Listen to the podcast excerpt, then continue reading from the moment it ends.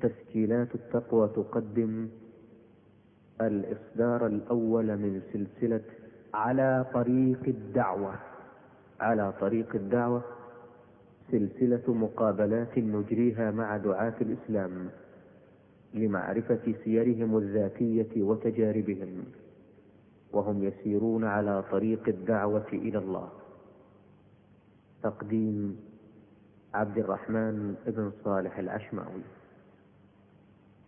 بسم الله الرحمن الرحيم. أيها الإخوة المستمعون السلام عليكم ورحمة الله وبركاته.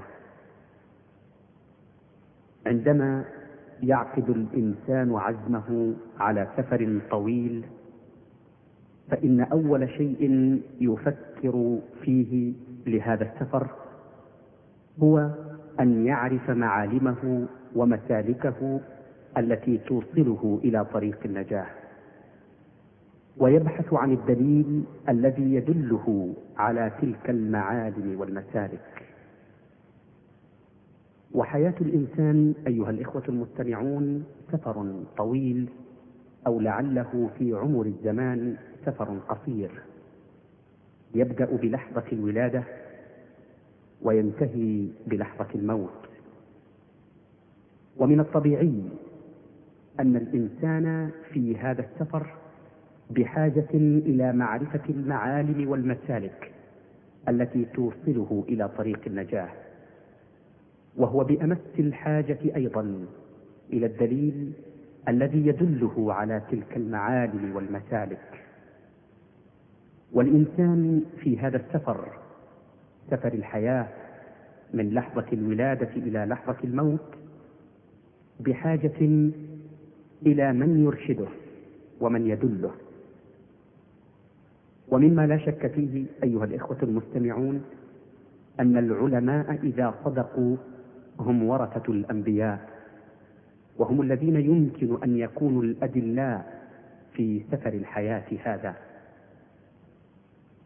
ونحن في هذه السلسلة على طريق الدعوة نود أن نضع بين أيدي مستمعين الكرام نماذج من علماء الدعوة من علماء الإسلام يصلحون أن يكونوا أدلاء على طريق الحياة وأن يكونوا معالم في هذا السفر الذي ذكرناه.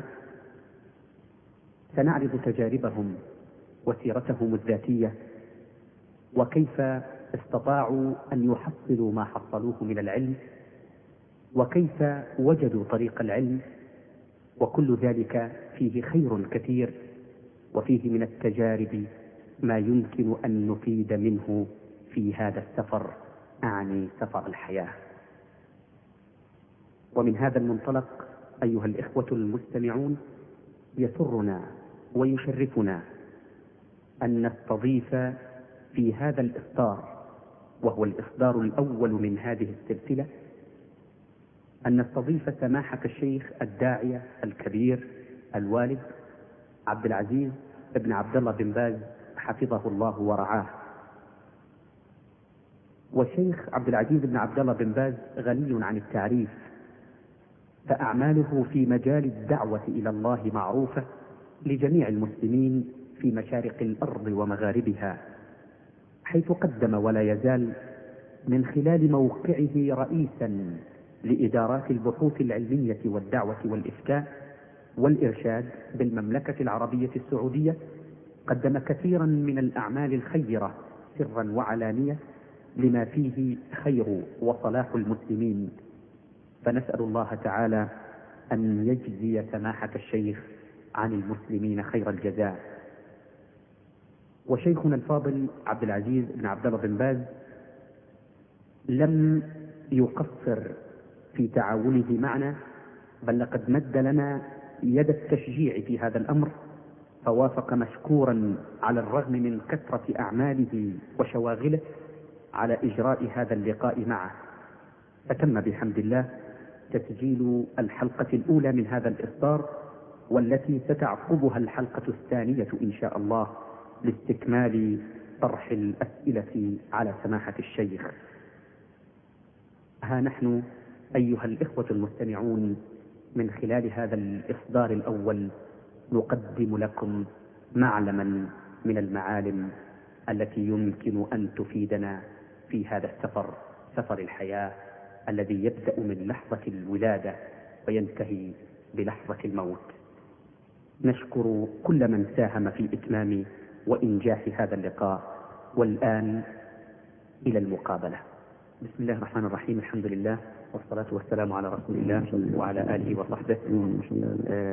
أيها الإخوة المستمعون نحن الآن في حضرة سماحة الشيخ عبد العزيز بن عبد الله بن باز آه، في لقاء نستطيع أن نسميه لقاء السيرة الذاتية للشيخ عبد العزيز بن باز مع آه، عرض بعض الأسئلة حول قضية العلم والعلماء والدعوة والدعاء. وفي البداية نرحب بسماحة الشيخ عبد العزيز بن باز ونشكر له آه، هذا الوقت الذي اقتطعه من وقته الثمين فمرحبا بكم يا شيخ عبد العزيز حياكم الله وبارك فيكم آه، نحن آه، شيخنا الفاضل سنبدأ هذه الأسئلة بما يشبه الترجمة عن حياة سماحه الشيخ عبد العزيز بن عبد الله بن باز فنسأل الشيخ آه، أن أو نرجو من الشيخ أن يقدم نفسه للأخ المستمع. بسم الله الرحمن الرحيم، الحمد لله وصلى الله وسلم على رسول الله وعلى آله وأصحابه ومن اهتدى بهداه. أما بعد فقد كتبت في هذا شيئا ليعرف القراء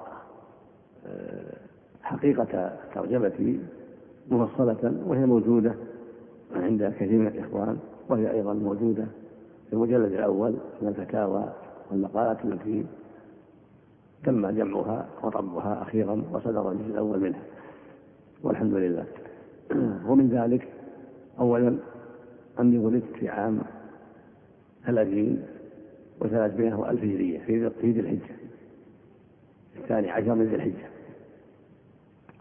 ونشأت والحمد لله في يتيما في حضانة والدتي رحمة الله عليها. وكان والدي توفي في القعدة من عام ثلاث وثلاثين وأنا في آخر السنة الثالثة من عمري. ودرست القرآن حفظته قبل البلوغ. وكانت دراستي على الشيخ الكريم رحمة الله عليه عبد الله بن كريم وكانت له مدرسة في شمال مسجد الشيخ عبد الله رحمه الله. المسمى أخيرا مسجد الشيخ محمد بن إبراهيم رحمة الله عليه. هذا في الرياض يا شيخ؟ في بلد الرياض. ثم شغلت بطلب العلم على المشايخ في الرياض. ومن أول من قرأت عليه شيخنا العلامة قاضي الرياض الشيخ صالح بن عبد العزيز بن عبد الرحمن بن حسين بن محمد بن عبد الوهاب رحمة الله عليهم جميعا. وكان ذلك في حدود السنة الرابعة السنة الرابعة والأربعين والخامسة والأربعين إلى أن تعينت طالبا في الخلق في عام سبع وخمسين وثلاثمائة وألف هجرية. وقرأت عليه ما ما جرت العادة أن يقرأه الطالب في ذاك الزمان من كتب الشيخ محمد بن عبد الوهاب رحمة الله عليه ثلاثة الأصول كتاب التوحيد كشف الشبهات. وقرأت عليه أيضا في عمدة الأحاديث الشيخ عبد الغني بن الواحد بن سعود المقدسي رحمه الله. ولا أذكر الآن هل قرأت عليه عقيدة الواصلين أم لا.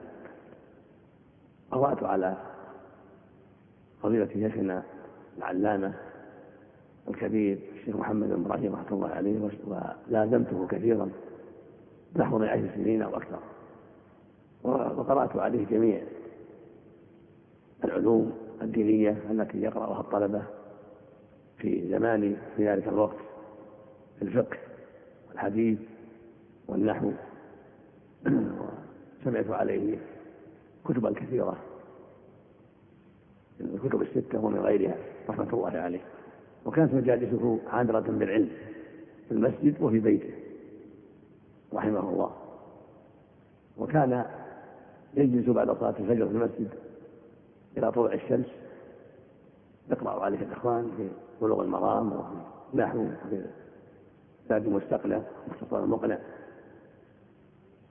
وفي كتاب التوحيد في بعض الأحيان. ثم يقوم رحمة الله عليه ويجلس في بيته غالب الضحى ويقرأ عليه المختصرات والمطولات رحمه الله إلى أن يشتد الضحى ثم يجلس بعد الظهر فيقرأ عليه بعد الظهر في المختصرات والمطولات. وأنا من جملة من يحضر؟ ويقرأ ويشارك في استماع الدروس. وهكذا بعد العصر رحمه الله إلى قرب الغروب. وهكذا بعد المغرب يجلس بعد المغرب لقراءة الطلبة في الرحبية في علم الفرائض. وكنت ممن درس عليه الرحبية مرات رحمه الله وأخذت عنه علم المواريث. أنا وجملة من المشايخ الذين تولوا القضاء وغيرهم رحمة الله عليهم. بارك الله في الأحياء منهم. وكانت مجالسهم عامرة بالعلم والتوجيه إلى الخير والنصح لله ولعباده والإجابة عن أسئلة طلبة. مع العناية بالدليل والترجيح. فجزاه الله عنا وعن العلم وأهله وعن جميع المسلمين أفضل الجزاء. وبارك في ذريته وجعلهم صالحين موفقين. وقرأت أيضا نعم في السؤال لا أنا يعني أقول أن الحديث موصول على الشيخ محمد بن إبراهيم الآن. نعم كلها عن الشيخ إبراهيم. وقرأت عليه وقرأت أيضا عليه في أصول الفقه وفي مصطلح الحديث. وقرأت عليه جملة كتب الشيخ محمد رحمه الله من كتاب التوحيد وثلاثة الأصول والعقيدة الواسطية كشف الشبهات وأصول الإيمان وفضل الإسلام. رحمه الله وسمعت عليه كثيرا من مؤلفات الشيخ أيضا رحمه الله من مختصر السيرة النبوية. وسمعت عليه أيضا الكتب الستة رحمة الله عليه قراءتي الكثير من الطلبة. وسمعت عليه جملة من مجالس السالكين للعلامة ابن القيم رحمه الله في شرح منازل السائرين سمعت جملة من ذلك في قراءة بعض الإخوان. وسمعت جملة أيضا من معالم السنن الخطابي على أبي داود قراءة بعض الإخوان. وسمعت عليه كتبا أخرى لا أذكرها الآن كثيرا رحمة الله عليه. وقرأت أيضا على الشيخ حمد بن فارس رحمه الله رحمة واسعة بالنحو خاصة في عام ألف وثلاثمائة وأربعين وأربعين رحمه الله. وقرأت أيضا على الشيخ سعد بن عتيق الشيخ سعد بن حمد بن عتيق القاضي في الرياض للباجة رحمه الله. وكان يصلي بالجامع الكبير ويجلس هناك وقرأت عليه هناك أبوابا من كتاب التوحيد. وكان عالما فاضلا جليلا قدس الله روحه وأصلح ذريته. وقرأت أيضا على فضيلة الشيخ محمد بن عبد الرحمن فضيلة الشيخ محمد بن عبد اللطيف بن عبد الرحمن بن الحسن بن الشيخ الإمام محمد بن الوهاب رحمة الله على الجميع في بيته رحمه الله في كتب العقيدة في كتاب التوحيد وغيره من الكتب الأخرى التي لا أذكرها الآن. وقرأت أيضا في علم التجويد على الشيخ سعد وقاص البخاري في مكة. سنة خمس وخمسين لأني صمت رمضان هناك في ذاك العام وقرأت عليه بعد رمضان في شوال ولا بعده. سورا كثيرة من القرآن الكريم وتلقيت عن تلقيت عن علم التجويد وبعض الأحكام رحمه الله في عام خمس وخمسين وثلاثمائة وألف هجرية في عام ألف وثلاثمائة وسبع وخمسين في منطقة الخليج كان ذلك في جماد الآخرة من هذا العام عام ألف ثلاثمائة وسبع وخمسين إلى نهاية عام ألف ثلاثمائة واحد وسبعين. كانت المدة أربعة عشر سنة ونصف سنة. ثم نقلت من منطقة الخليج من القضاء للتدريس في معهد العلم لما فتح في الرياض فتح في عام 71 وكان تدريسي فيه في عام 72 سنتين وسبعين معهد إمام الدعوة. ثم في كلية الشريعة بعدما فتحت إلى عام 80 وبعد ذلك انتقلت إلى المدينة وعينت نائبا رئيس الجامعة وهو شيخنا العلامة محمد بن إبراهيم رحمة الله عليه. عينني سماحته نائبا عنه في هذه الجامعة بموافقة ملك الكريم سعود بن عبد العزيز رحمه الله. وسافرت إليها في جماد الأولى من عام ألف وثلاثمائة وإحدى وثمانين وباشرت العمل هناك في الجامعة الإسلامية إلى إلى شوال من عام ألف وثلاثمائة وخمس وتسعين. ثم أعينت في أربعة عشر شوال رئيسا عاما لإدارة البحوث العلمية والإفتاء والدعوة والإرشاد.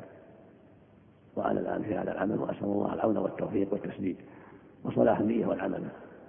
وكنت في هذه المدة التي قمتها في المدينة ألقي بعض الدروس في المسجد النبوي بين المغرب والعشاء. ورتبت بعض الدروس في مسجد النبوي بعد العصر بعد بعض الزمان ثم تركت ذلك لمضايقة الأعمال. وكتبت ما شاء الله من الكتابات في مصالح المسلمين والرد على بعض من حاد عن الطريق وهي منشورة في بيضهما بين الناس و وستنشر إن شاء الله أيضا في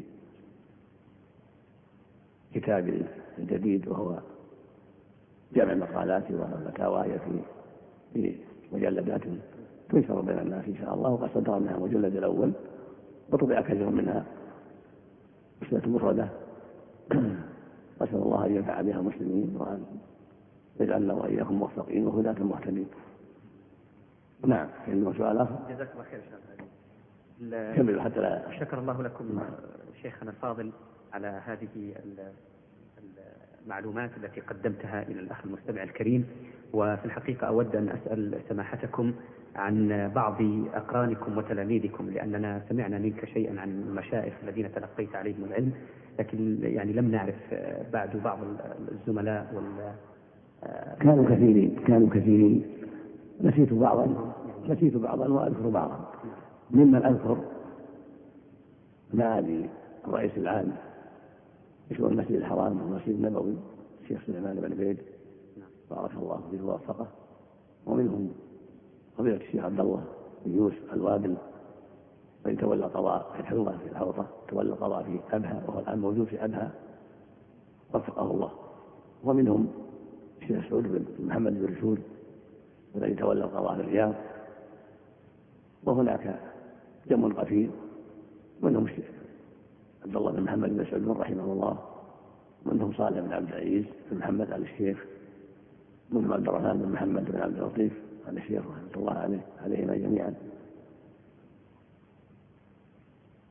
ومنهم جنب في لا أذكر الآن. كثيرا منهم رحمة الله عليهم وبارك في الأحياء منهم. نعم. تتلمذ على سماحة الشيخ عبد العزيز بن باز عدد كبير من طلاب العلم والمعرفة. فهل يعني تستطيع أن تذكر لنا أبرز هؤلاء التلاميذ أو الذين يعني رأيت أن ثمرة علمك قد أثمرت فيهم؟ والله فيه جمع جمع قليل الحمد لله نسأل الله أن يوفقهم منهم. الشيخ عبد الله بن سليمان الأسعدي معروف كان تولى رئاسة ديوان المظالم مدة من الزمان. وهو موجود الآن بارك الله فيه ومنهم الشيخ عبد العزيز بن حمد المشعب مدرس في جامعة الإمام. منهم عبد العزيز بن إبراهيم بن قاسم قاضي المحكمة الآن. ومنهم الشيخ عمر بن سعود بن عيد مدرس أيضا في الجامعة. منهم جماعات الآن. لا أذكر كثيرا منهم يعني يحتاج إلى بعض التأمل. ولا أذكر الآن كثيرا منهم. لكنهم كثير أسأل الله أن ينفع بهم وأن يوفقهم. جزاك الله خير. الشيخ عبد العزيز لمحنا من خلال ما قدمته عن الدراسة أن طريقة الدراسة التي تلقيت بها العلم. لا ومنهم أيضا. أيوة. منهم أيضا. مع الشيخ راشد بن صالح بن حنين المستشار في الديوان حاليا. إذا كان أحد كان هذا منهم الشيخ عبد اللطيف محمد بن جديد القاضي في التمييز الآن ومن خيرة من قرأ عليه في الخلف وفقهم الله وبارك فيهم. نعم. اللهم آمين. طريقة الدراسة يا شيخ عبد العزيز آه، نلاحظ التغير الكبير بين الطريقتين، طريقة الدراسة سابقا وطريقة الدراسة في هذا الوقت. آه، كما نلاحظ تنوع المعارف والمعلومات عند العلماء والمشايخ سابقا. فأنت كما ذكرت درست على الشيخ محمد بن إبراهيم علوم الدين ودرست النحو والفرائض. فهنالك تنوع. ما أدري شيخ عبد العزيز كيف تصورك للفرق بين الطريقتين في الدراسة وبماذا تنصح؟ كان كان المشايخ الأول قبل أن تفتح الجامعات والمدارس الرسمية. كانوا يعنون كثيرا بكتب العقيدة والحديث الشريف والفقه والنحو. هذه الكتب هي أهم شيء يدرسونه لأجل أن أهم الأمور العقيدة. ثم التفقه في الدين من طريق الحديث الشريف والفقه الإسلامي وما يعين على ذلك من كتب اللغة كتب النحو. كانوا يعنون بهذا كثيرا وأصول الفقه ومصطلح الحديث. أما ما يتعلق بالتاريخ والسيرة كان في الغالب تقرأ كتب مطولة. في هذا مثل تاريخ ابن كثير مثل سيرة ابن هشام مثل قصر السيرة الشيخ الوهاب وابن عبد الله وأشبه ذلك من الكتب التي تقرأ بصفة آه، قراءة عامة يستمعها يستمعها الطلبة. ويعلق عليها المدرس ما يسر الله له. نعم. ولا أذكر في هذا شيئا مختصرا كما نقرأ ذاك الوقت. وإنما غالب ما يقرأه الطلبة ذاك الوقت هو ما ذكرت ما يتعلق بالحديث الشريف والفقه والعقيدة والنحو وأصول الفقه ومصطلح الحديث. هذا هو الذي في الغالب ندرسه ونحفظه. ندرسه ونحفظه ويدرسه العلماء ويحفظه له الطلبة. أما الآن تغيرت الأحوال لما فتحت الجامعات والمدارس الرسمية صار تدرس البلاغة والجغرافيا والحساب وأشياء أخرى ندرس منها الآن. دعت الحاجة إليها بسبب توسع العلم وتوسع الناس في الوظائف والأعمال وانتشار الناس ووجود الحاجة إلى كثير من هذه العلوم التي تدرس في المدارس الآن وهي تعين على العلوم الشرعية. إحنا معلوم العناية باللغة العناية بالبلاغة. كل هذا ينفع الطالب وأما الجغرافيا فينفع أيضا في أمور الدنيا تنفع كثيرا. هكذا الحساب ينفع في حساب الفرائض وفي مسائل أخرى. له له فائدة. المقصود أن تنوع المواد من أجل الحاجة إليها. في هذه المدارس بسبب ما ما برز وحضر من حاجة الناس. شيخ عبد العزيز ما أدري المتون التي كنتم تحفظونها أو كان يحفظها الأوائل يعني ما هي بالضبط تحديدها؟ هل نستطيع أن نحددها؟ نعم. كنا نحفظ بلوغ المرام الحافظ بن حجر كتاب جيد مفيد ومحرم عودة الحديث للحافظ العلامة الشيخ عبد العزيز بن عبد الغني بن عبد الواحد بن علي بن المقدسي رحمه الله وهو كتاب جيد وأحاديثه تزيد على 100 على 400 قليلا على 400 حديث قليلا وهي من الصحيحين. جمعها من الصحيحين رحمه الله. وهناك أشياء قد نوقش فيها قد تكون لأحد الصحيح لأحد الشيخين البخاري ومسلم ليست في الصحيحين ولكنها قليلة والغالب مثل ما قال رحمه الله لما اتفق عليه الشيخان البخاري ومسلم. وكذلك الأربعين نووية وتتمة لابن رجب الجميع خمسون حديثا كان المشايخ يدرسونها أيضا. من كتب الحديث وهكذا المنتقى لابن بن تيمية رحمه الله كان يدرس يدرسه المشايخ ويقرأه القرآن. بعضهم يقرأه نظرا وبعضهم يقرأه حفظا. وكذلك كتاب المستقنع في الفقه مستوى مقنع. وهذا هو الأغلب. وفي الأصول الورقات والأصول لصاحب المنتهى في الفقه والروضة من صاحب المغني. الموفق رحمه الله روضة الناظر في الأصول مصطلح الحديث في حافظ نخبة الفكر وشرحها وألفية الحديث العراقي كل هذه كانت تدرس. وأما في النحو ألفية من مالك لكبار الطلبة والمتوسطين يقرأون قطر من هشام والمبتدئون يقرأون الفورية وكنت من قرأ هذا على شيخنا الشيخ محمد شيخنا العلامة الشيخ محمد إبراهيم رحمه الله قرأت عليه الفورية كثيرا وعلى الشيخ محمد بن فارس فيها أيضا وقرأت عليه رحمه الله في قطر الندى وهكذا في الألفية أنه جماعة كبيرة من الإخوة رحمه الله رحمة واسعة نعم. كانت تحفظ المتون يا شيخ عبد العزيز؟ كانت تحفظ المتون واعتنى بها. وكان شيخنا رحمه الله الشيخ محمد يناقش في ذلك ويؤكد في ذلك لما في حفظ من الفائدة العظيمة. لا شك وهو يفتح الذهن في الحقيقة. هكذا نفعه كبير. نعم. وهو يعني في مثل ما قال بعضهم ليس بعلم ما حوى بطنه. ما العلم إلا ما وعاه الصدر. يعني الحفظ أساس عظيم للعلم. لما عنده علوم محفوظة قد يضعف يعني التماسه في المسائل وحفظ حفظ لها وقدرته على استخراج المسائل. لكن إذا كان عنده أصول في الفقه والحديث تعينه على التماس المسائل من مضامها هو المشكلة يا شيخ عبد العزيز انه الآن الحفظ هو الحقيقة ما تفرط فيه وسائل التربية الحديثة مع الأسف الشديد. ولهذا قل العلم. ولهذا قل العلم. الآن تجده متخرجا من الجامعات وعنده شهادات كبيرة دكتوراه وماجستير ولكن علمه قليل لأنه نسي ذلك. ما حفظه واشتغل عنه في مشاغل أخرى من الأعمال. فيقل العلم. والعلم يحتاج دائما إلى الحفظ وإلى المدارسة والمذاكرة بينه وبين الزملاء ومراجعة الكتب. والعناية بالمكتبة كل هذا يحتاج لطالب العلم. إذا فرغ من الدراسة واشتغل بالعلوم بالأعمال الإدارية أو بأشياء أخرى تشغله عن المطالعة والمذاكرة يقل العلم وينسى كثير منه ومن أعظم ما يعني يعين الطالب على الحفظ على استقرار العلوم العمل بعلمه. يكون يعتني بالعمل ويكون مثالا عاليا في المحافظة على ما أوجب الله. والبعد عما حرم الله والعناية بالصلاة في الجماعة والعناية بالأمر بالمعروف عن المنكر والدعوة إلى الله ونصحة إخوانه من الزملاء وغيرهم. كلما كان طالب العلم أعنى بهذه الأمور كان أكثر وأكمل لتوفيق الله له وحفظه لمعالم ونشره العلم.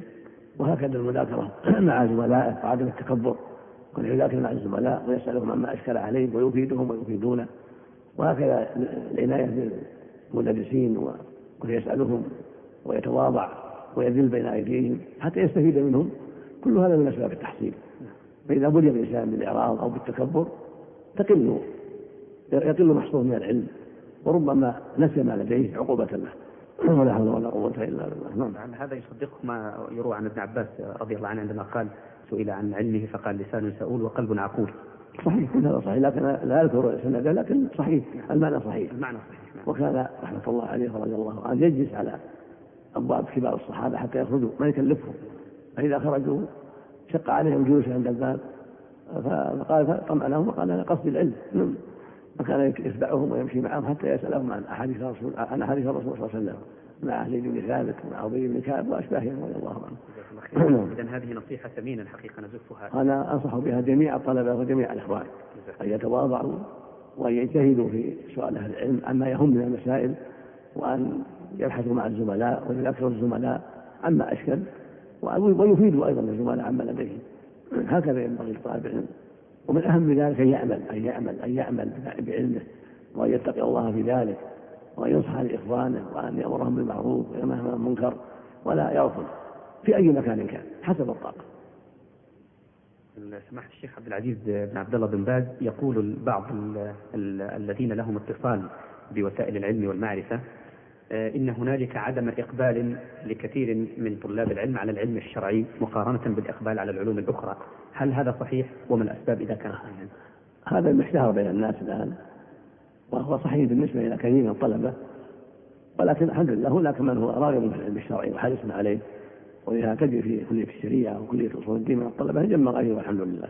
في الجامعات الإسلامية وفي جامعات الإمام وفي جامعات القرى وفي كلية التربية في جامعة الملك سعود كل هذا والحمد لله. كل الشريعة في جامعات الملك فيصل المقصود أن هناك الحمد لله والحمد لله يعني من يعتني بهذا الأمر. لكن أناس آخرين قد يعرضون عن هذا والغالب والله أعلم فيما يظهر لي الحرص على الوظائف التي يزعمون أنها أكثر أكثر راتبا. وضعفهم عن الصبر على تلقي العلوم الشرعية. فيرى بعضهم أن تلقي العلوم الأخرى أسهل وبعضهم يرى أن ذلك أكثر لتحصيل المعاش الجيد أكثر ما يحصله المدرسون أو القضاة أو ما أشبه ذلك. وهذه تختلف همم الناس مختلفة متنوعة. ولكن لا ريب أن الهمة العالية التي تؤثر علوم الدين وتجتهد في الحرص على علوم الشريعة لا شك أن هذه الهمم فوق تلك الهمم. وأفضل وعاقبتها أحسن لمن وفقه الله. لأن الناس في أشد الضرورة إلى معرفة الشرع. يعني العقيدة وعلوم الشريعة هم أشد حاجة وأشد ضرورة إليها من العلوم الأخرى. فوجود العلماء في علم الشريعة والفقه الإسلامي والعقيدة السلفية هذا لا شك أنه من أهم الأمور. بل هو أهم الأمور والحاجة إليه أشد حاجة بل أعظم ضرورة. ولا سيما في هذا العصر الذي أعرض فيها أكثر عن علوم الشريعة. واشتغلوا بالعلوم الأخرى وثقل عليهم علم الشريعة أو ضعفت رغبتهم فيه لانحراف عقيدتهم أو لانحراف سلوكهم إلى ما يخالف الشرع مرة ولا حول ولا قوة إلا بالله. نعم. نسمع بعض الشباب يردد آه، علماء اليوم آه، لا يؤدون دورهم كما يجب. رأي سماحة الشيخ في هذا القول؟ هذا فيه إجمال لكن التقصير موجود. التقصير موجود لا في كل زمان.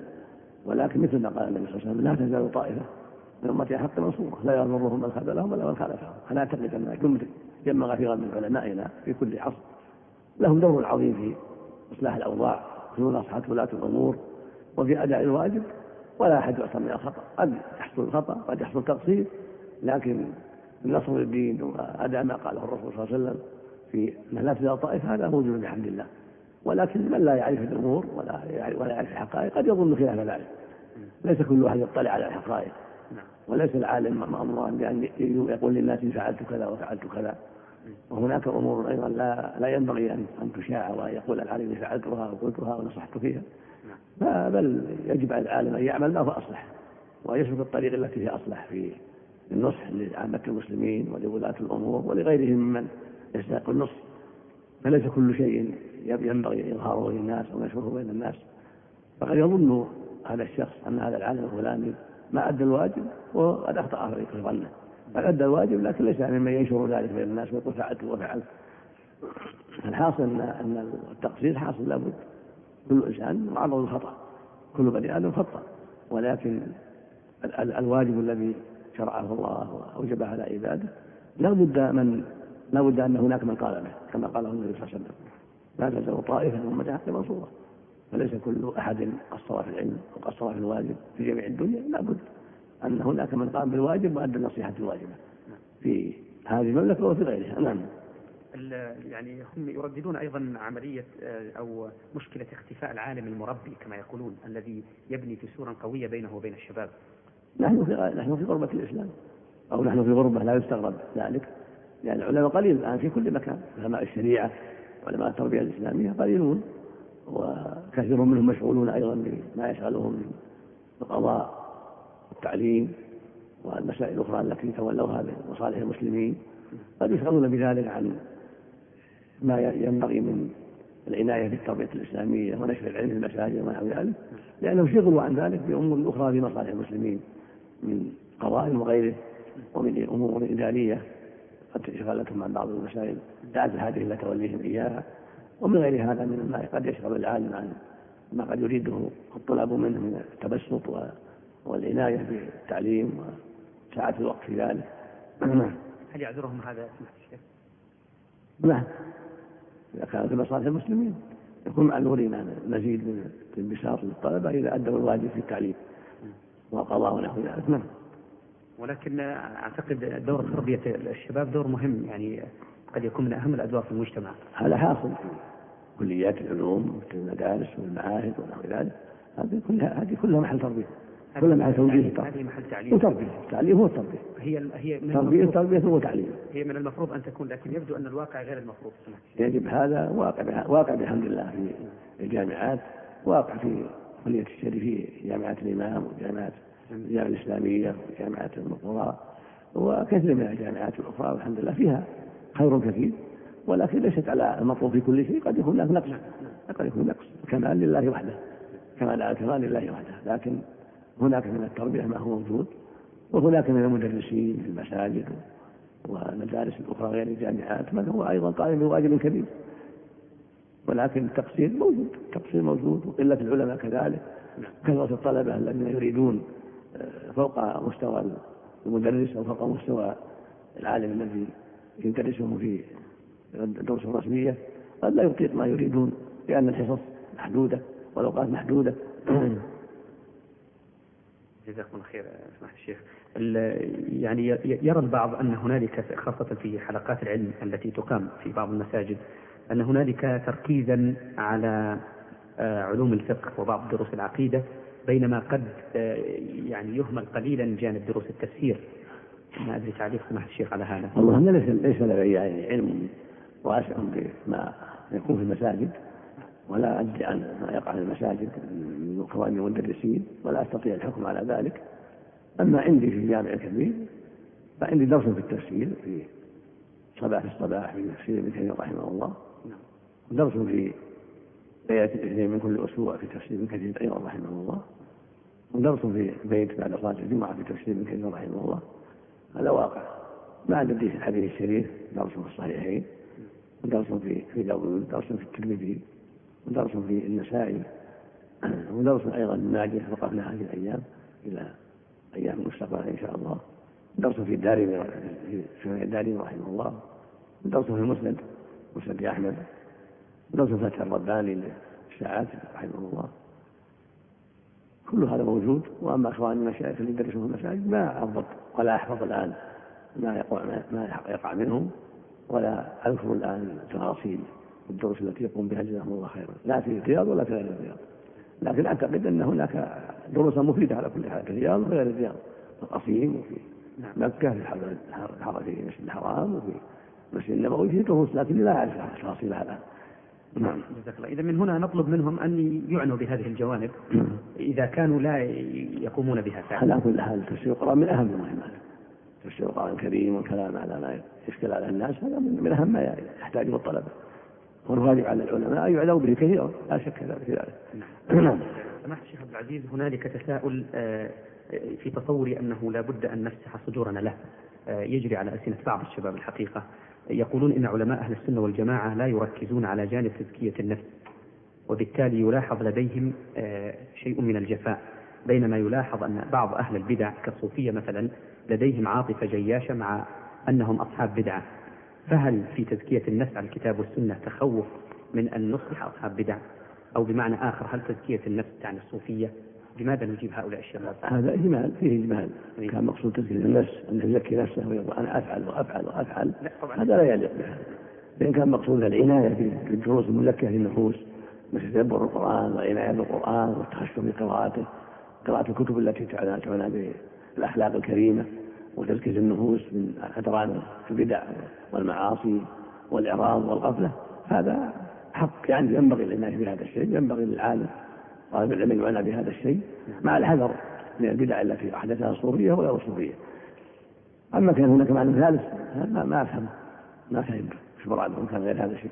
لا هو يبدو أن هذا المعنى يعني الجانب أما العناية بالأخلاق فلا شك أنه مهم وجدير بالعنايه من طالب العلم ومن المدرس يكون يعتني بهذا ويرشد الطلبة إلى أن يعلوا بالأخلاق الفاضلة والحرص على أخلاق العمل لله وعدم الرياء والتواضع والحرص على إيجاد أوقات مناسبة يحاسب فيها نفسه ويجتهد في توقد عيوبه حتى يصلحها هذا كله حق.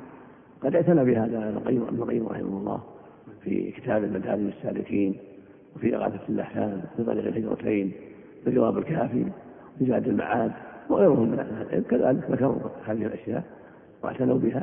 ينبغي المؤمن أن يعتني بها ولا سيما العالم الذي ينفع الناس ويذكرهم ويدعوهم إلى الله وهكذا طلبه العلم ينبغي أن يعتنوا بهذا لأن هذا مما يجعل الله فيه الخير والبركة للعالم والطالب حتى يكون قدوة صالحة في أخلاقه وأعماله وسيرته في بيته وفي مسجده وعند أهله وغير ذلك.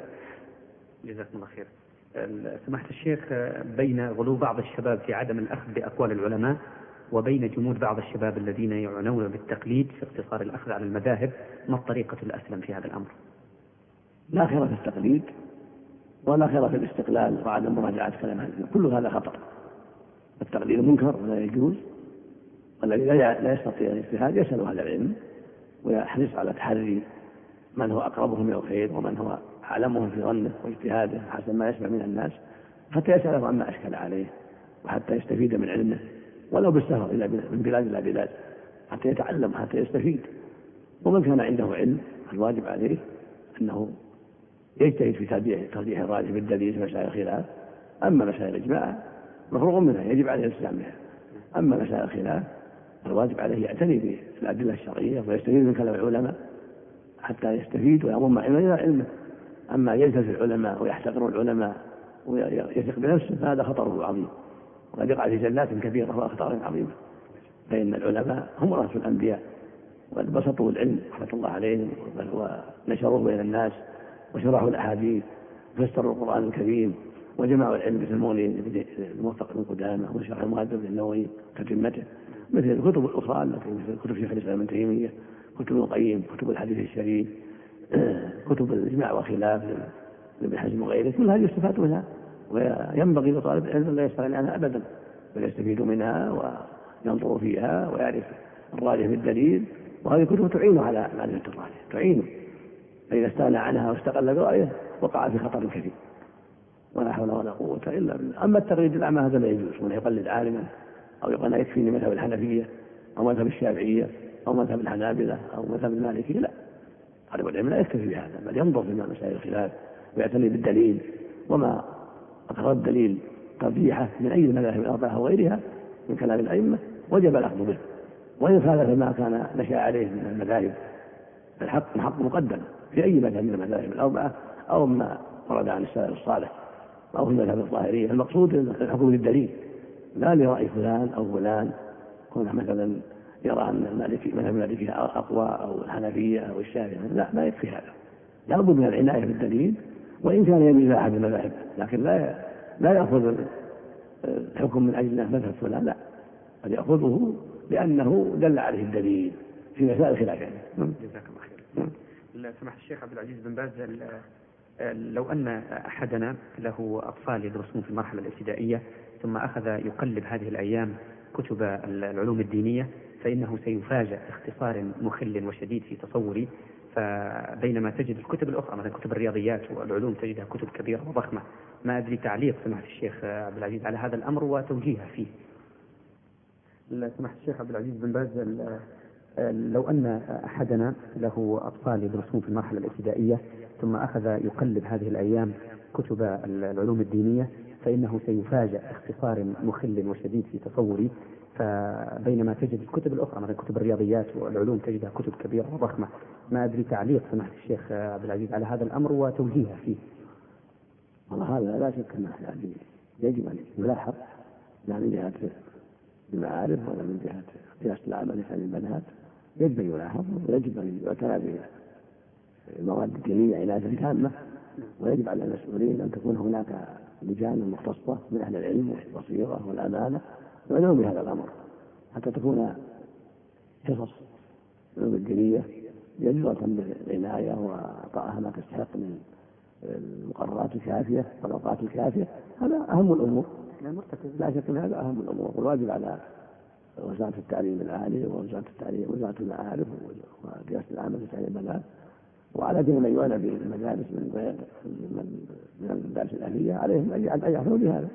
وأن يولوا المواد الدينية والكتب الدينية أكبر عناية وأعظم عناية لأن العباد خلقوا ليعبدوا الله ويطيعوه ولا سبيل إلى هذا إلا بالعناية بالقرآن الكريم والسنة المطهرة وكتب أهل العلم الذين لهم قدم في هذه الأمة. حتى يخرج الطالب والطالبة على بصيرة وعلى علم يعني جيد مفيد يعرف به حكم الله ويعرف به الصراع الحميدة ويعرف به ما يجب عليه تجنبه مما حرم الله عليه ويسير على ويكون سائرا على بصيرة في ذلك. هذا شيء ملفت للنظر يا شيخ عبد العزيز لأنه مثلا مقرر ثالث الابتدائي القرآن فيه سورتان فقط العلق والغاشيه بينما لما تأتي لكتاب الرياضيات أو العلوم تجد كتاب ضخم كبير جدا يعني يصل إلى 100 صفحة تقريبا. أرجو أن يتيسر لنا في هذا. عناية مع إخوان المشايخ. شو لا لعله يتيسر ما يحصل به إن شاء الله التوجيه إلى ما هو أفضل. وهذا واجب علينا وعلى إخوان المشايخ والعلماء نسأل الله يسهل ذلك. ولعل هذا الموضوع إن شاء الله يعرض على هيئة العلماء يحصل بذلك إن شاء الله. ما يوفي من الخير. جزاكم الله خير. الشيخ عبد العزيز نحن أثقلنا عليك كثيرا لكن لدينا أيضا بعض الأسئلة. وكل هذا إن شاء الله يعني في ميزان حسناتكم بإذن الله. نسأل الله أن يكتب الأجر إن شاء الله. الدعوة الإسلامية بشكل عام لكم اتصال بها من خلال رئاستكم لإدارة البحوث العلمية والإفتاء هل يمكن أن تعطي المستمع الكريم صورة لوضع الدعوة الإسلامية اليوم؟ أولا قلت في الدعاء إن شاء الله إن شاء الله. نعم. والتنبيه يجب أن يكون الدعاء ما فيه إن شاء الله يلزم به يقول النبي صلى الله عليه وسلم حديث الصحيح لا يقول أن نحن اللهم اغفر لي شئت اللهم ارحمني ليعزم نفسه فإن الله لا مغني له. والمشروع في الدعاء لا يستثنى فيه بل يقال اللهم اغفر لفلان أو نسأل الله أن يغفر لفلان وهذا الله فلان ولا يقال إن شاء الله. نعم؟ بل يلزم في الدعاء والرغبة الرغبة إلى الله في ذلك سبحانه وتعالى. أما ما يتعلق بالدعوة إلى الله فأمرها عظيم. ولا شك أنها جديرة بالعناية من ريادتها التي أنا أقوم عليها ومن غيرها من جميع العلماء ومن جميع المنسوبين للعلم أن يعنوا بالدعوة إلى الله عز وجل. لأن العالم في أشد الحاجة إلى ذلك. كما أن يجب العناية في الأمر المعروف والنهي عن المنكر فهو من الدعوة إلى الله. الأمر المعروف والمنكر من الدعوة إلى الله عز وجل. فواجب العلماء والمؤمنين جميعا أن يعنوا بذلك كما قال الله سبحانه والمؤمنون والمؤمنات بعضهم أولياء بعض يأمر بالمعروف وينهى عن المنكر. قال سبحانه ولتكن منكم من يدعون إلى الخير ويأمر بالمعروف وينهى عن المنكر. قال سبحانه كنتم خير أمة خرجت للناس تأمرون بالمعروف وتنهون عن المنكر وتؤمنون بالله. هذا أمر له شأن عظيم الدعوة إلى الخير والأمر بالمعروف والنهي عن المنكر. واجب المؤمنين جميعا والمؤمنات وعلى رأسهم العلماء فإنهم ورثة الأنبياء. الواجب عليهم أن يعلنوا بهذا الأمر أينما كانوا يشجعوا الناس عليه حتى تكون الدعوة منتشرة بين الناس. وهكذا الأمر بالمعروف وهكذا النهي المنكر في هذه المملكة وفي كل مكان. يجب على العلماء وطلبة العلم وعلى المؤمنين والمؤمنات الذين بصرهم الله وأعطاهم بعض العلم أن ينشروا علمهم ويدعوا إلى الله عز وجل وأن يأمروا بالمعروف وأن ينهوا عن المنكر مخلصا لله. ويريد وجهه الكريم ويريد نفع الناس وإنقاذهم مما هم فيه من الباطل وإخراجهم من الظلمات إلى النور هذا هو الواجب على الجميع. أما ما يتعلق بالرئاسة العامة من دعوة الوحدانية والإفتاء والدعوة الأرشاد التي أرأسها فهي بحمد الله قائمة بعمل كبير. ولكن لا تخلو من التقصير. كل عمل يقوم به الإنسان لا يخلو من تقصير لكنها بحمد الله. قائمة بعمل كبير فلها دعاة كثيرون في الداخل ومنتشرون في المملكة. ولها نخاة الدعوة. في المملكة في الرياض وفي في وفي طامد وفي جيزان وفي حائل وفي المدينة المنورة وفي المنطقة الشرقية وفي غير ذلك. لها, لها بحمد الله نشاط كبير. ونسأل الله أن يفعل بذلك. ولها نشاط أيضا في الخارج. كثير أيضا. ولها دعاة في الخارج كثيرون لعلهم يقاربون الألفين أو أكثر في أنحاء البلاد الإسلامية وغير الإسلامية أيضا. فلها دعاة في أوروبا ودعاة في أمريكا ودعاة في آسيا كثير كثيرون ودعاة في أفريقيا كثيرون. أكثرهم من خريج الجامعة الإسلامية من أبناء البلاد من أبناء أفريقيا ومن أبناء آسيا ومن أبناء أوروبا ومن أبناء أمريكا. لكن الأغلب في أفريقيا من أبناء أفريقيا والأغلب في آسيا من أبناء آسيا. وأما في أوروبا وأمريكا فمدخلون هذه الأقاليم قليلون لكن يوصل إليهم من غير من أفريقيا ومن غير أفريقيا. وهم بحمد الله لهم نشاط ولهم جهود مشكورة. ولا أقول إنهم قد أدوا الواجب كما ينبغي لكن لهم نشاط بحمد الله بلغنا عنهم تسر الحمد وهم متفاوتون في النشاط منهم من هو قد بذل نسعه في غاية النشاط والقوة ومنهم من هو متوسط ونسأل الله أن ينفع بهم ويزيدهم خيرا. نعم. اسمح الشيخ عبد العزيز بالنسبة لمراكز الدعوة يعني في الداخل مثلا من المعروف أن من يأتي إلى المسجد عادة يكون فيه خير، يعني رجل لم يأتي إلى المسجد إلا وفي نفسه خير، لكن هنالك مجالات أخرى يتجمع فيها الشباب يلاحظ عدم آه، تركيز مراكز الدعوة على الاتصال بهذه الجهات مثل الأندية الرياضية وغيرها، ما راي سماحة الشيخ في هذا؟ والله. يجب يجب لكن في الحقيقة أنه يحتاج إلى دعوة من القائمين عليها، الدعوة تشجع الدعاة حتى يحضروا. وقد قال لي رحمه الله سمو الامير فيصل بن فهد إنهم يرغبوا في هذا الشيء وأظن ارسلنا له جملة من الدعاء في بين وقت وآخر وحصل منهم بعض القيام بما يجب وأنا فعلت هذا غير مرة أيضا ولكني لا أتذكر الآن إحصاء ذلك. والذي أرجوه من القائمين على النوادي أن يكتبوا إلينا وهم مستعدون لإرسال من من يقوم بالمحاضرات والتوجيه في أي وقت. وأنا بنفسي أيضا كان بعد الأحمر إذا كان في الرياض لأن السفر في البلاد البعيدة قد يعطل أيام أعمال كثيرة هنا. لكن إذا كان في الرياض فأنا مستعد وهناك الحمد لله من المشايخ والإخوان كثير من يرغبون في هذا الشيء من الدعاة وغير من الدعاة الرسميين ومن العلماء الآخرين الحمد لله. نعم. إذا جاءت الدعوة من هذه النوادي ورغبة في إرسال من يحاضر أنا مستعد لذلك. لماذا لا تكون المبادرة من الدعاة والعلماء يا الشيخ؟ نعم. لا بد أن الداعي إلى الله قد يكون مشغولا بدعوة هنا وهنا في المساجد أو المدارس التي يذهب إليها والسجون التي يذهب إليها لكن إذا جاءت الدعوة أنشط قد يكون يعني يرى أن هذا إليه من دون دعوة قد يعني يكون فيه ذل له يكون فيه ذل له أو يكون عدم استجابة قد يخشى من هذا. لكن إذا كان دعوة منهم يكون يأتي على بصيرة ويتلقى على بصيرة ويعرف له قدره ويتحرى له حتى يفتح له المجال ويتكلم.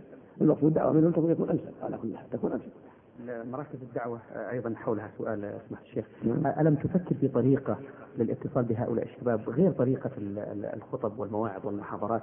يعني يجند بعض الشباب الذين لديهم قدرة على الاتصال بأمثالهم من الشباب فيدخلون في هذه الأندية بطريقة تختلف عن الطريقة الوعظية المعروفة. والله يمكن يمكن هذا قد وقع وقد يكون فضيلة الشيخ عبد الله منتور مدير الدعوة في الداخل قد يكون عنده علوم في هذا أكثر مني. وهناك الحمد لله تنظيم لندوات في المساجد ندوات في مساجد في جميع المملكة ومحاضرات من الدعاة ومن غير الدعاة ومن القضاة تجول من أجلها صاحب فضيلة الشيخ عبد الله منتور مدير الدعوة في الداخل تجول في غالب بلدان المملكة. ونظم ندوات كثيرة ومحاضرات في غالب المملكة أو في كل المملكة مكة والمدينة وجدة وفي جيزان وفي أبها وفي غامد وفي حايل وفي قصيم وفي الأحساء وفي المنطقة الشرقية. له جولات في هذا جزاه الله رتب فيها ندوات ورتب فيها محاضرات مع العلماء الموجودين هنا من القضاة والمدرسين والدعاة. فلعل له بعض جهودا في هذا ما اذكرها الآن. لكن هذا ينبغي التنبيه عليه. تنبيه المكاتب الدعوة حتى يكون لها اتصال بالشباب على تربي معهم اتصالات في النوادي هذا طيب. وفي مجمعاتهم أيضا. لكن أنا لا أزال أقول إن اكون يكون القائمين على هذه النوادي يطلبون هذا أولى. وهذا أتم. ويكون أشجع للداعي الله والعالم. ولو خاص بالدعاة الرسميين ينبغي أن يطلبوا من القضاة ومن المدرسين في أي مكان كان. المدرس قد يكون من من فرقة العلماء والدعاة إذا كان في القصيم يطلبون المدرسين في القصيم في كذلك في مكة في المدينة في المنطقة الشرقية. لا تقتصر الدعوة على مجرد الدعاة الرسميين بل ينبغي لهذه النوادي أن تطلب من العلماء الموجودين في جهتهم أو بعيدا منهم حتى يأتوا يطلبوا بالمطلوب هذا شيء يعني يرفع شأنهم ويدل على رغبتهم صادقة في الفائدة إذا طلبوا فهو طيب منهم يعني لا يستنكر منهم ولا وليس بنقص عليهم بل رفعة لهم هذا نعم. هو التركيز على مراكز الدعوة. سماحة الشيخ لما تعلم من أنها آه، يعني تشرف رسميا على موضوع الدعوة وهذا يخدم الدعاة عندما يذهب إلى أنا قلت لك أنا قلت لك مشغولون بالدعوة في المساجد وفي السجون. وفي المدارس لهم جهود في هذه الجهات. وينبغي أن تكون النوادي من هذا من هذا الباب. أيوة. إما يقدم يتقدموا إليها بأنفسهم وجزاهم الله خير إذا فعلوا. وإما أن يتقدم إليهم القائمون على هذه النوادي ويطلبوا من القضاة من المدرسين منا من مدير المكتب في محلهم. أي يرسل لهم من يقوم بالمحاضرات المطلوبة والندوات. وهذا يعني أعتقد أنه واجب عليهم. لأنهم مسؤولون عن هؤلاء الشباب وهذا من طرق إصلاح الشباب وتوجيه الشباب. نعم. آه، يرى البعض أن كثرة الجماعات التي تدعو إلى الله يدعو إلى الفرقة ويعوق الدعوة إلى الله. وهنالك من يرى أن اختلاف الجماعات وأن تنوعها في السبل والوسائل يثري الدعوة. رأي سماحة الشيخ عبد العزيز في هذا؟ هذا في تفصيل. ولا شك أن أحداث الجمعيات الجماعات اتحدت أمثال المسلمين. فإذا تعدد الجماعات أو الجمعيات ولكن الأهداف واحدة ما يضر. بل ينفع المسلمين كثيرا لأن يستفاد من نشاط هؤلاء ونشاط هؤلاء ونشاط هؤلاء. لكن مصيبة إذا إذا اختلفت الآراء وتنوعت السبل وصار هذا يذم هذا وهذا يذم هذا هذا ضرر عظيم وفساد كبير. فينبغي أن تكون الجماعات والجمعيات أهدافها توجيه الناس إلى الخير ودعوه ودعوه الحق تعليمهم ما ينفعهم تحذيرهم عما يضرهم هذا هذا هو الواجب سواء كانوا من أنصار السنة أو من إخوان المسلمين أو من جماعة التبليغ أو من غير الجماعه يجب أن تكون الأهداف واحدة وهي توجيه الناس إلى الخير وإرشادهم إلى ما دل عليه كتاب الله وسنه رسوله عليه الصلاة والسلام والتعاون مع البر والتقوى وأن يكون اعضاء هذه الجماعات قدوة صالحة في أنفسهم. معروفين يكونوا معروفين بالمحافظة على الصلاة الجماعة معروفين بحسن العقيدة معروفين بالاستقامة في أخلاقهم وسيرتهم معروفين بالدعوة إلى الخير والبعد عن الشر. اينما كان. لا يكون همهم شيء آخر من أمور السياسة أو شيء آخر من أمور الدنيا لا. بل يكون همهم إصلاح المجتمع. يجب أن يكون همهم إصلاح المجتمع وتربية الشباب ودعوتهم إلى الخير والعناية بالشيب أيضا في كل مكان. فإنهم محتاجون. الشيب والشباب كلهم محتاجون. إلى الدعوة والتوجيه في المساجد وغير المساجد وفي النوادي وفي الجماعات التي قد تعرض عند زواج أو عند احتفال بشيء مما قد تدعو الحاجة إليه فإذا كان هناك من يوجه في هذه الاجتماعات ويرشد إلى الخير ويكون هو في نفسه قدوة صالحة معروفا بالخير يثنى عليه خيرا ويعرف بالخير كان هذا من أعظم الأسباب انتشار الخير وانتشاء الشباب والشيب والرجال والنساء بهذه الجماعات المتنوعة. أما إذا تنازعوا واختلفوا هذا يقول كذا وهذا يقول كذا وهذا يذم هؤلاء هذا يذم هؤلاء. هذا شر عظيم على المسلم.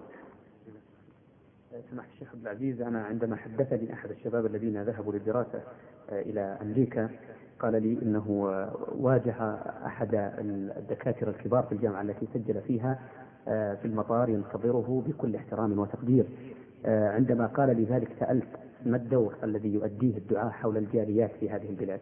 نعم. ماذا قال أنا أنا أسأل نفسي يعني عندما روالي هذا الشاب هذا الاهتمام من أستاذه طبعا لأنه رأى أنها فرصة أن يأتي هذا الشاب من بلاد المسلمين ويدرس عنده في الجامعة فهو يستقبل استقبال جيد ويبدأ آه، يبث آه، له أفكاره ومبادئه. آه، نحن لدينا جاليات كثيرة من خارج البلاد.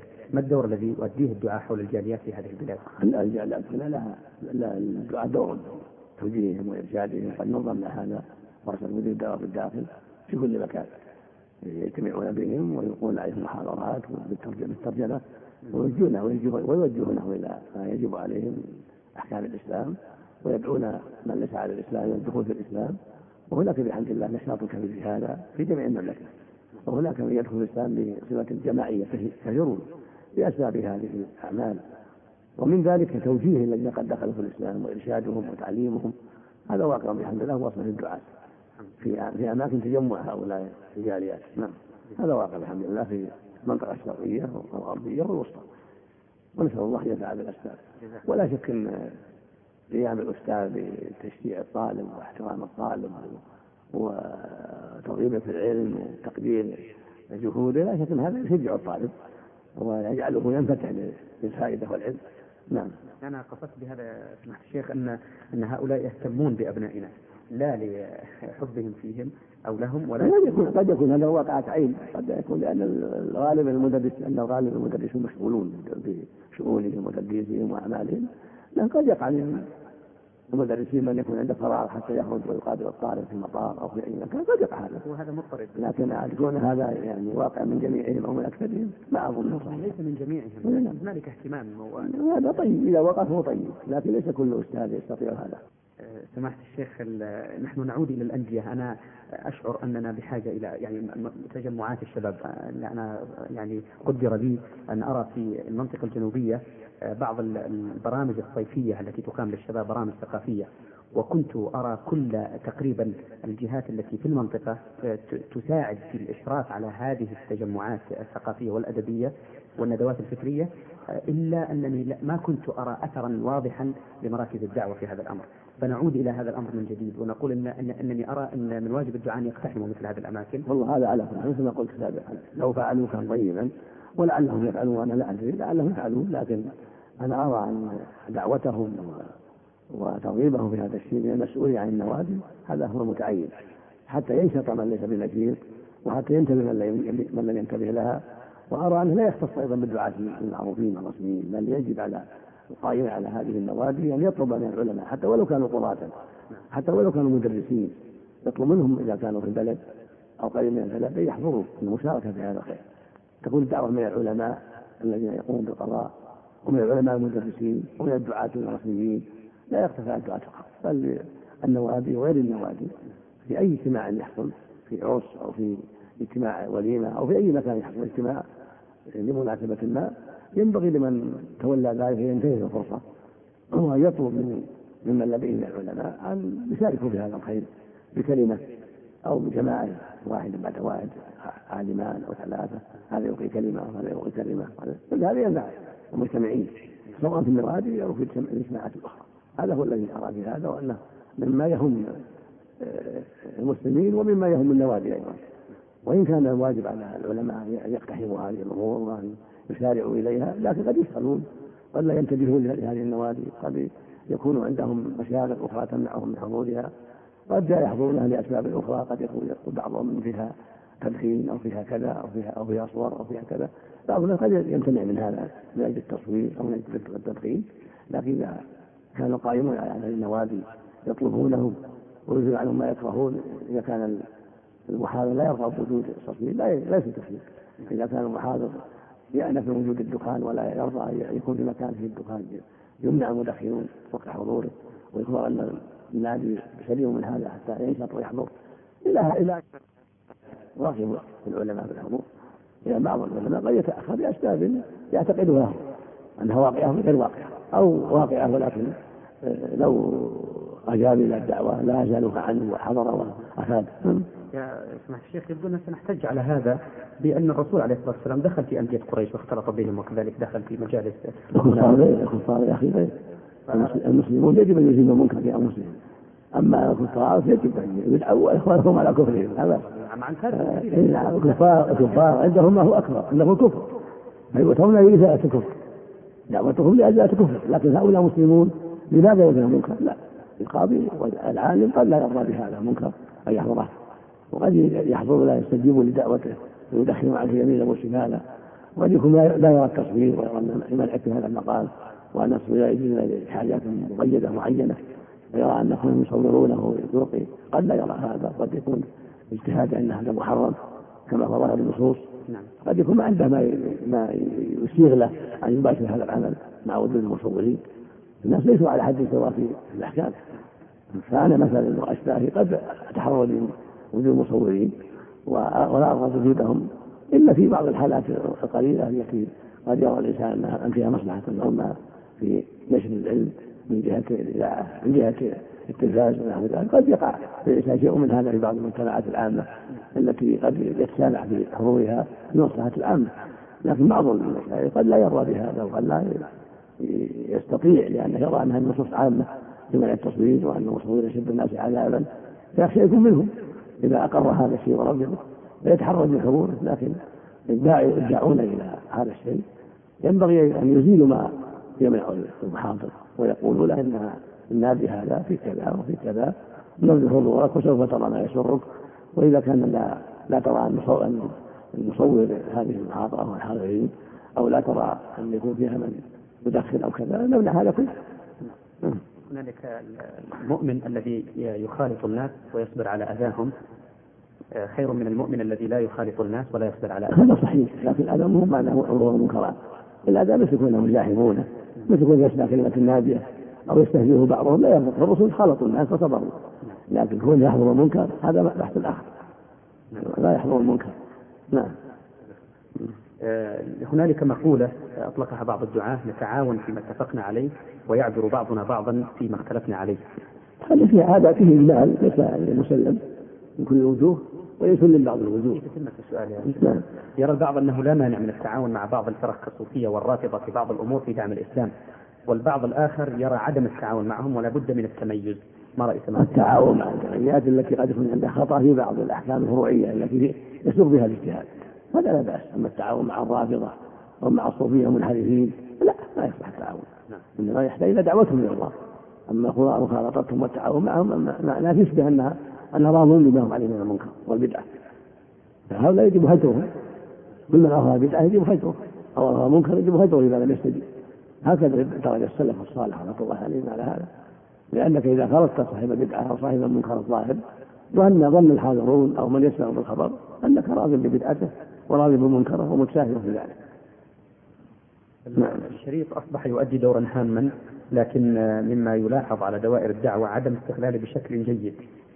آه، ما رأي سماحة الشيخ؟ الذي يعلم أنهم يستغلون الآن يوزعون أشرطة كثيرة في سائر المملكة وغير المملكة.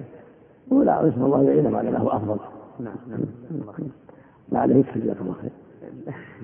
والله أسئلتنا سماحة لا كثيرة. فيها مرة أخرى. إن شاء الله. جزاك الله خير. إحنا أتعبناك. إنما لا يكفي نسأل الله سبحانه وتعالى أن يجزيك خير الجزاء وأن ينفع بهذا الذي قدمته لنا. الله يوفق ونشكر الإخوة المستمعين على آه، استماعهم وعلى ونرجو أن يستفيدوا مما سمعوا إن شاء الله. نسأل الله لجميع التوفيق والهداية. جعلهم الله بارك الله فيك. الله يعطيك